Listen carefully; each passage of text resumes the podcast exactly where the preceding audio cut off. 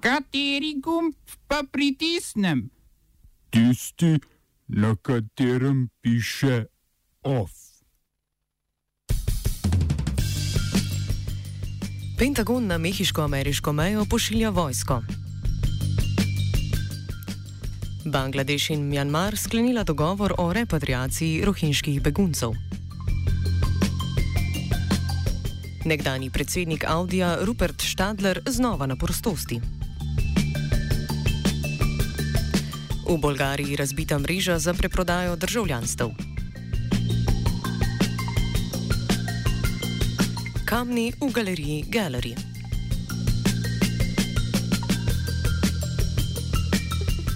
Ameriško obrambno ministrstvo je odobrilo prošnjo oddelka za domovinsko varnost, da na mejo z Mehiko pošlje vojsko. V sporočilu za javnost so predstavniki Pentagona napovedali napotitev 5200 vojakov skupaj z varnostno opremo. Razlog za histerijo je približajoča se karavana migrantov, ki je svojo pot začela v Hondurasu, na poti pa so se jim pridružili prebivalci Salvadorja in Gvatemale.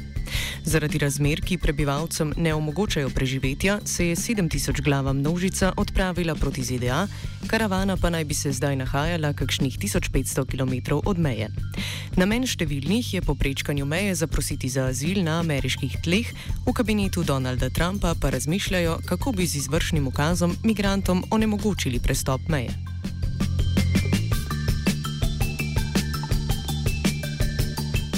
Skupino je že v soboto neuspešno poskušala zaustaviti mehiška policija na poti prek zvezdne države Chiapas. Policija je namreč zablokirala avtocesto, vendar je bila blokada po dveh urah odpravljena. Mehiški predsednik Enrique Peña Nieto je migrantom, ki bi ostali v državah Chiapas in Oaxaca, ponudil začasne službe in dostop do določenih storitev. Na ameriško-mehiški meji sicer že deluje okoli 2000 pripadnikov narodne garde, civilistov, ki obmejni policiji nudi tako imenovano tehnično pomoč, medtem ko bo 5200 ameriških vojakov prišlo na mejo do konca tedna.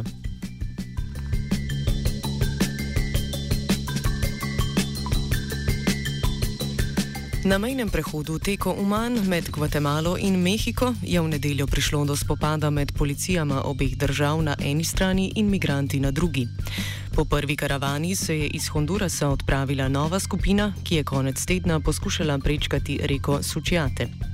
Proti karavani kakšnih tisoč migrantov se je po preboju gvatemalske blokade postavila še mehiška policija, ki je v spopadu z gumijastim metkom ubila enega državljana Hondurasa, vsaj sto ljudi pa je bilo ranjenih. Policijski represiji na vkljub je migrantom uspelo na mostu prodreti ograjo na meji, podreti ograjo na meji, številni pa so mejo prečkali z brodenjem vode. Na več tisoč kilometrov dolgi poti karavani pomoč nudijo prostovoljske skupine in lokalno prebivalstvo, ki organizira distribucijo hrane in prevoze. Po poročanju Amnesty International je kakšnih tisoč ljudi, ki je v zadnjih dveh tednih zaprosilo za mednarodno zaščito v Mehiki, bilo odpeljanih v zaporne centre, v katerih jim je bila odzeta svoboda gibanja in jim grozi deportacija.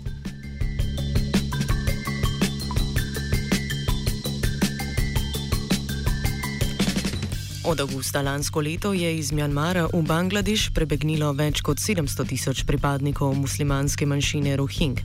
Ti so preko meje prebežali zaradi politike etničnega čiščenja strani mjanmarske vojske v državi Rakhine. Po seriji spopadov med uporniškimi skupinami in spopadu z rohinjsko odrešilno vojsko 25. avgusta lansko leto so sledile tako imenovane čistilne operacije mjanmarske vojske v obliki požiganja vasi, pobojev in posilstev. Številni prebivalci so pred nasiljem vojske prebegnili v sosednji Bangladeš, ki pa je že novembra lani z Mjanmarom sklenil sporazum o vračanju prebeglih Rohing. Program vračanj se v slabem letu ni uresničil, po zadnjih pogovorjih med državama pa naj bi z repatriacijo znova poskusili sredi novembra. Vodje rohinjske skupnosti povdarjajo, da pogoji za vrnitev nikakor niso zagotovljeni. Mjanmarske oblasti namreč zanikajo obtožbe etničnega čiščenja, prav tako pa ni bilo danih nobenih zavez za spoštovanje pravic muslimanske manjšine. Mjanmarska država namreč številnim rohingam onemogoča pridobitev statusa državljana in s tem dostopa do osnovnih storitev in pravic. V Mjanmaru sicer trdijo, da so zgradili tranzitne centre in so pripravljeni na, na repatriacijo, medtem ko nameravajo v Bangladešu odpreti taborišče na otoku Basančar, ki pa naj bi bilo glede na opozorila izpostavljeno nevarnostim poplav.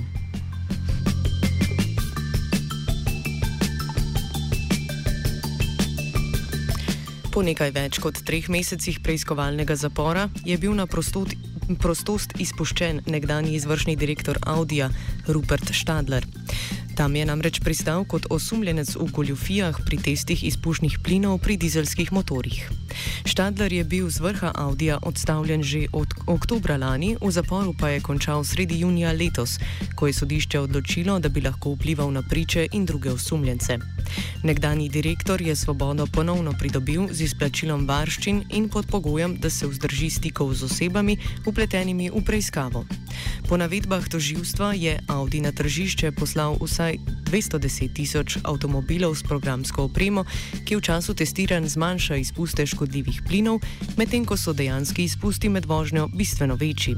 V Volkswagenu, ki ima pod okriljem tudi družbo Audi, so leta 2015, ko je bila afera Dieselgate razkrita, priznali, da so z opremo za goljufanje testiranj opremili okoli 11 milijonov avtomobilov.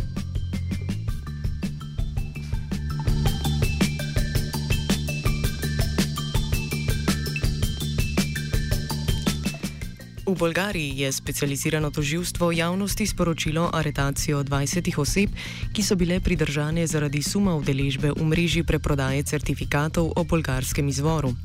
Med aretiranimi je bil tudi Peter Harlampijev, vodja državne, državnega urada za Bolgare v tujini, ki je zadolženo prav za izdajo teh certifikatov. Med aretiranimi je več uslužbencev urada in posrednikov, ki so za državljane Makedonije, Ukrajine in Moldavije urejali pridobitev certifikatov. Med junijem 2017 in junijem 2018 je bolgarsko državljanstvo pridobilo skoraj 18 tisoč ljudi, vsaj 10 tisoč pa je državljanstvo pridobilo na osnovi dokumentov pridobljenih iz omenjenega urada. Koliko pa naj bi bilo ponarejenih, ni znano. Haralampijev je sicer član stranke, ki je del strankarske koalicije Združenih patriotov.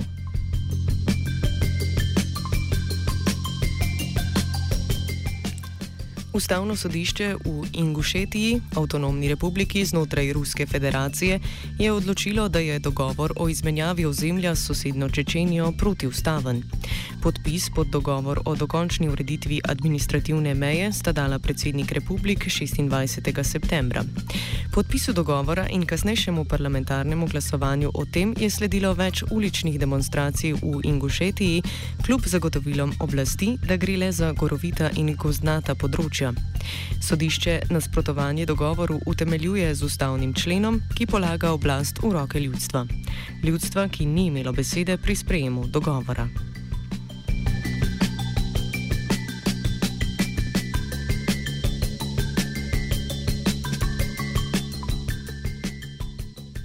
Oba, če, če bom odgovoril na angliški. Uh, uh, Slovenija bo poskušala pomagati. Slovenija bo naredila and we will do our utmost to say that the situation is our problem ourselves. And uh, we will uh, make further steps as soon as the conditions are uh, very, very serious. News from Slovenia. We know how and we will. Peace, Dubo Bok. Predsednik liste Odprto celje in županski kandidat Sandy Sendelbach je na današnji tiskovni konferenci napovedal vložitev pritožbe na ustavno sodišče, potem ko je občinska volivna komisija zavrnila njihove liste kandidatov za celski mestni svet in svete krajevnih skupnosti ter mestnih četrti. Volivna komisija je odločitev upravičila s tem, da je na listah bilo prvotno napisano, da je predlagatelj Franz Pusar in skupina voljivcev, kar so hoteli predstavniki liste, na to spremeniti in napisati, da je predlagatelj lista odprto celje. Odločitvi komisije je sicer že pritrdilo upravno sodišče.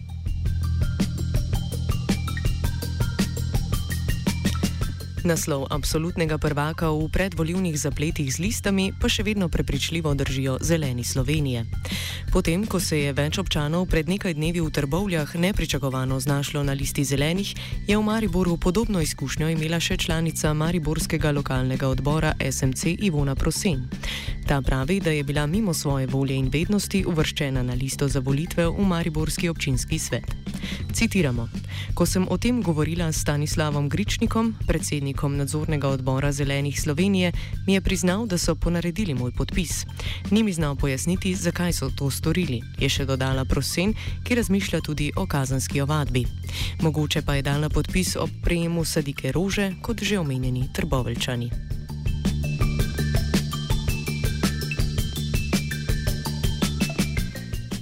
OF sta pripravila Jošt in Antun.